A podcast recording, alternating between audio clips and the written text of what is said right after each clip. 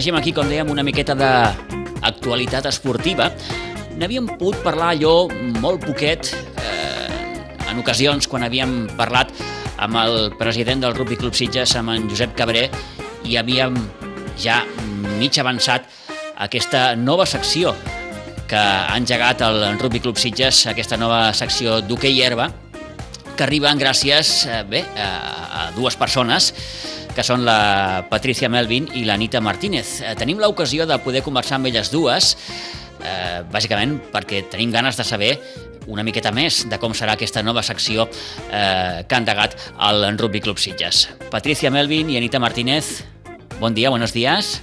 Hola, buen día, buen día. ¿Qué tal? Bien, aquí estamos. Eh, Muchas gracias por invitarnos, sí, compartir este, esta información a toda la gente de aquí, sí, y abrirnos este espacio para poder informar un poco de nuestro proyecto. Uh -huh. Pues, y a ver si podemos llegar a las mayores familias posibles y que se acerquen a conocernos. Pues, ¿cómo nace todo esto, Patricia, Anita? ¿Cómo nace? Uh, mucho, tiempo, mucho tiempo, unos 4 o 5 años, 2016. Sí, más o menos. Eh, nos juntamos por destino, por afinidad al deporte, cuatro personas, entre ellas hay dos personas, una que ya no está más aquí en España, y otra persona que no se pudo sumar al proyecto por, por trabajo hicimos una presentación y un proyecto al Ayuntamiento de Rivas, ¿vale? Poniéndole todas nuestras ganas y, y digamos, positividad al, al, deporte grupal, principalmente perfilado a la parte femenina, ¿no? Con un, un deporte femenino grupal. Entonces el Ayuntamiento de Rivas lo aceptó muy bien, pero luego por cuestiones de espacio y demás con el fútbol, en las instalaciones deportivas que había, no había eh, afinidad o cierta disponibilidad para que nos den un espacio para poder desarrollar la escuela, ¿no? Entonces, principios del año pasado... Sí, estábamos un poco en suspenso y se pusieron en contacto con nosotros la gente del club, que ya, la verdad, somos un poco familia porque tenemos hijos que han jugado ahí, yo personalmente también he jugado ahí, Anita, ¿no? El marido, Exacto, el hijo, es como familia, que nos hayan llamado para para invitarnos a que esto pudiera hacerse en Sitges, la verdad que fue una alegría muy grande. Y a partir de ahí empieza un poco nuestra aventura, que estamos en ello. Porque, eh, Patricia, Anita, ¿qué relación tenéis vosotras con el hockey? Bueno, eh, mi razón por estar aquí en España es el hockey hierba.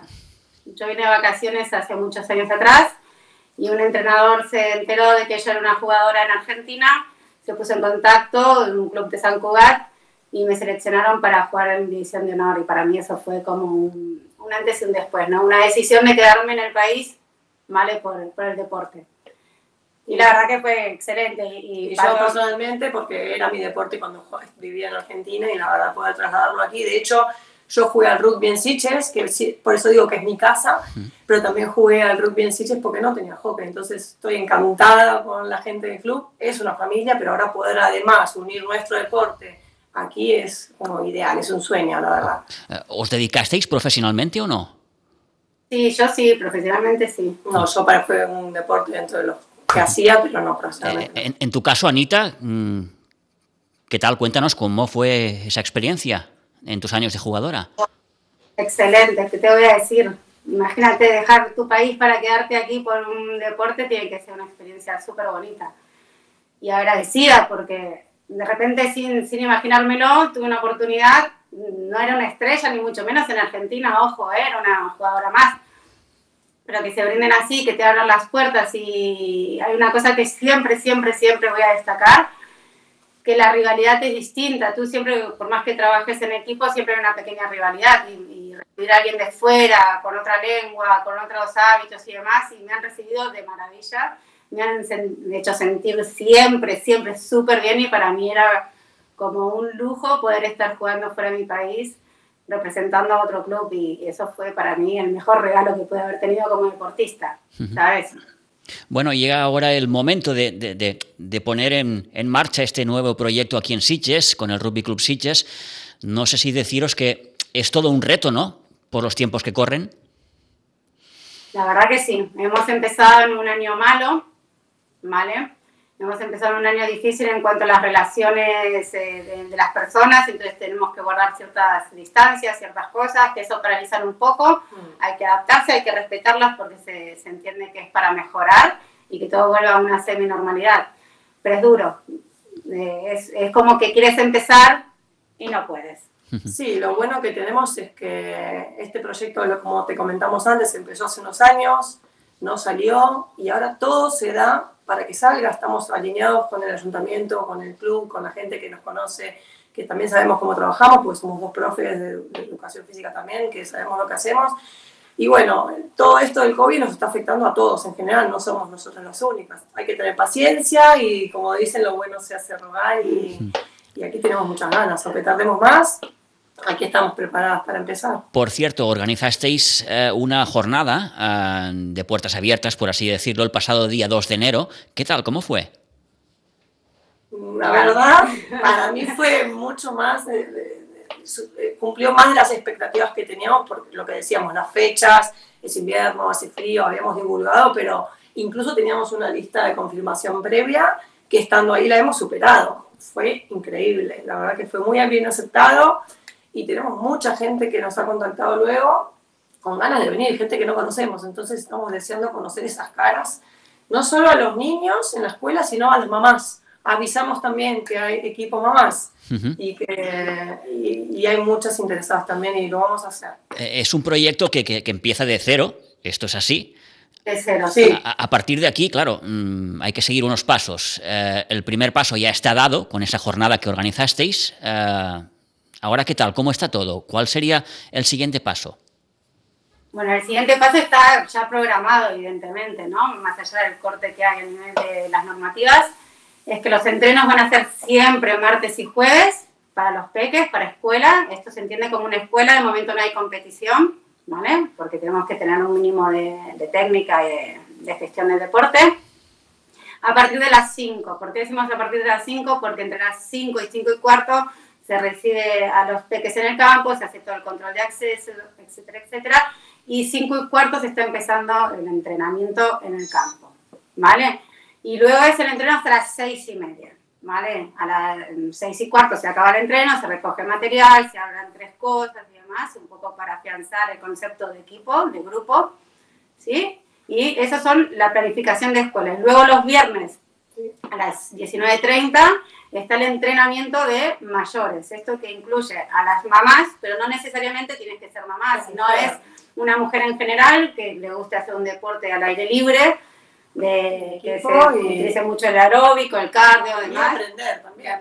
No, necesariamente tienen que ser jugadoras, lo que queremos es, surge como una escuela y queremos ser las mejores de, de, de o sea, de lo que es los túneles de garras para aquí, ¿no? No está el hockey en esta zona. Eh, claro, ahora os quería preguntar un poquito, eh, ¿cómo andamos de, de, de, este deporte aquí por la zona? Mm, si no tengo nada. No hay. nada. Es la, vez, es la primera vez que el hockey más cercano pasa el Garraf. Exacto. es decir, el, club más cercano lo tenemos en Castelldefels. Sí, correcto. Y hay dos, y entonces, claro, de aquí, además que es una ciudad increíble, que atrae el turismo, que atrae gente, es atractivo en todos los sentidos, Siches y hay mucha gente también extranjera, como nosotras o de otros países, que también tienen una cultura previa del deporte.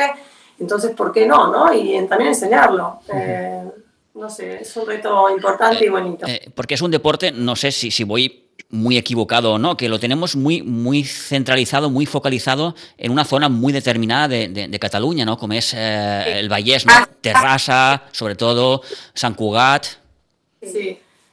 principalmente es un deporte de clubes privados pero en los últimos años, por suerte, los ayuntamientos han apostado por este deporte y hay, está habiendo instalaciones. La última que se renueva además es la de Castel de Fers, que es un, son instalaciones eh, del ayuntamiento, ¿no? Entonces esto es un poco lo mismo, dejar de, de hacer un deporte privado para clubes más elitistas, y más caros, ¿no? Y poder traerlo a una determinada región y a un determinado extracto social, ¿no? Inclusivo, más inclusivo. Y tengo que aportar que evidentemente también tenemos todo el apoyo de la Federación de Hockey Hierba, porque si no, también hubiese sido muy difícil. Gracias a ellos estamos también aquí y están apoyando que eso, que el deporte no sea a nivel privado, sino que podamos llegar a todo aquel que que esté interesado en hacerlo. Nos han facilitado miles de cosas y trabajamos en equipo. Eh, en el sentido que es que estamos hablando de un deporte quizás no demasiado conocido en la zona. ¿Creéis que esto puede suponer un hándicap o no? No, porque como dijo Patricia, eh, la zona de, de, Siches y de Rivas eh, tiene muchos extranjeros, ¿vale? Que ya vienen o lo han practicado en el colegio o mismo en clubes. De hecho, fue publicarlos y muchos extranjeros o gente española, catalana que ha ido a hacer Erasmus fuera, ha jugado el deporte. Y se nos han puesto en contacto con nosotros para ayudarnos tanto con los entrenamientos, con las gestiones, con la organización y demás. Es increíble eh, la repercusión que tuvo en la zona, ¿sabes? Porque siempre alguien tiene un referente de hockey hierba, cercano, muy cercano. Y si no es un papá que ha jugado en su juventud o niñez, que ahora quiere o tiene intención de que sus hijos también lo practiquen, me incluyo, eh, también ese es un poco de interés, ¿no? Decir, bueno, vamos a, colaborar a que esto salga, a dar una oportunidad y, poder hacer unos, nuestro huequito aquí en el barra. Mm. Aquí se trata un poco de, de, captar el mayor número, ¿no? Ya no solo niños, sino que, que, los papás también sientan como, mínima, como mínimo esa, esa, esa duda, ese, bueno, ¿qué tal? Exacto. Ah. Exacto. Sí, es un deporte fácil, no es tan complejo, evidentemente a niveles de alto rendimiento eh, estamos hablando de otra cosa, pero es un deporte, de hecho, lo comentábamos cuando estábamos con los peques, que íbamos un poco a cómo iban a reaccionar, ¿no? Porque tienes que usar un material que es un stick, un palo y una pelota muy dura, y era como, ¿no? Como, y la verdad que la reacción es inmediata.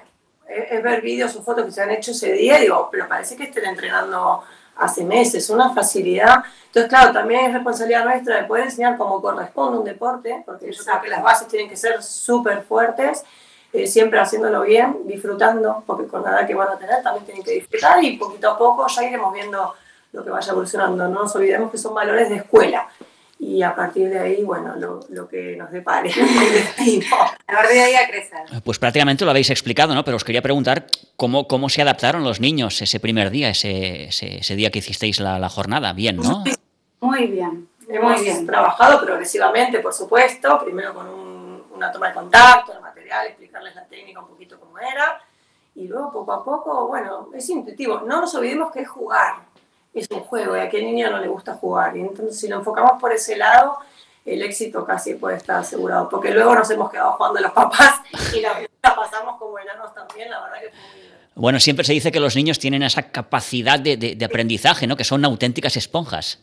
Claro, claro. Y al no conocer el deporte, nadie tiene ningún vicio que venga de, alguna práctica anterior. Entonces, si tú le dices, no despegues el stick de, de la hierba, no lo despegan no levantes por miedo a que puedan, ¿no? Golpear a alguien.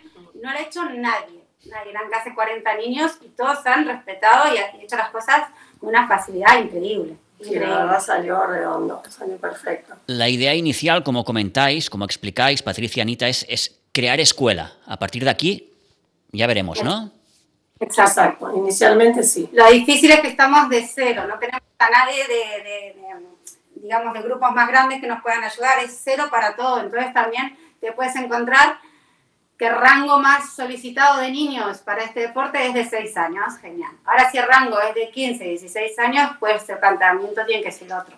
¿vale? Pero de momento, en los márgenes que estamos trabajando es entre 5 y 12 años, ¿vale? Para lo que es escuela. Que vinieron chicas de 13, 14, pues vale, si les gusta, iremos a por un entrenador que esté específicamente con ellas, ¿no? Porque evidentemente no puede entrenar a la par de una persona de Exacto. No decimos que no, porque lo que queremos es esto, es incluso fomentar un poco la familia dentro del club, ¿no? De que podamos estar, que estén todos los márgenes de edades, ¿no? Todos los, los segmentos de edades dentro del club, sean los niños, adolescentes y, y, ¿por qué no, papis y mamis también, ¿no? Y que junto con los del rugby formemos esta gran familia que en Argentina suele ser muy normal que vayan de la mano todos los deportes y, y aquí también queremos que sea así. Bueno, eh, tenéis el privilegio de, de, estar en una instalación que es nueva, sí. acabada de, de, estrenar. ¿Qué tal? ¿Cómo os habéis sentido en la nueva casa del Rugby Club Sitges? Como cuando tenía zapatos nuevos. Espectacular. Eh, regalo de Navidad, Papá Noel, los Reyes, el tío, todos juntos.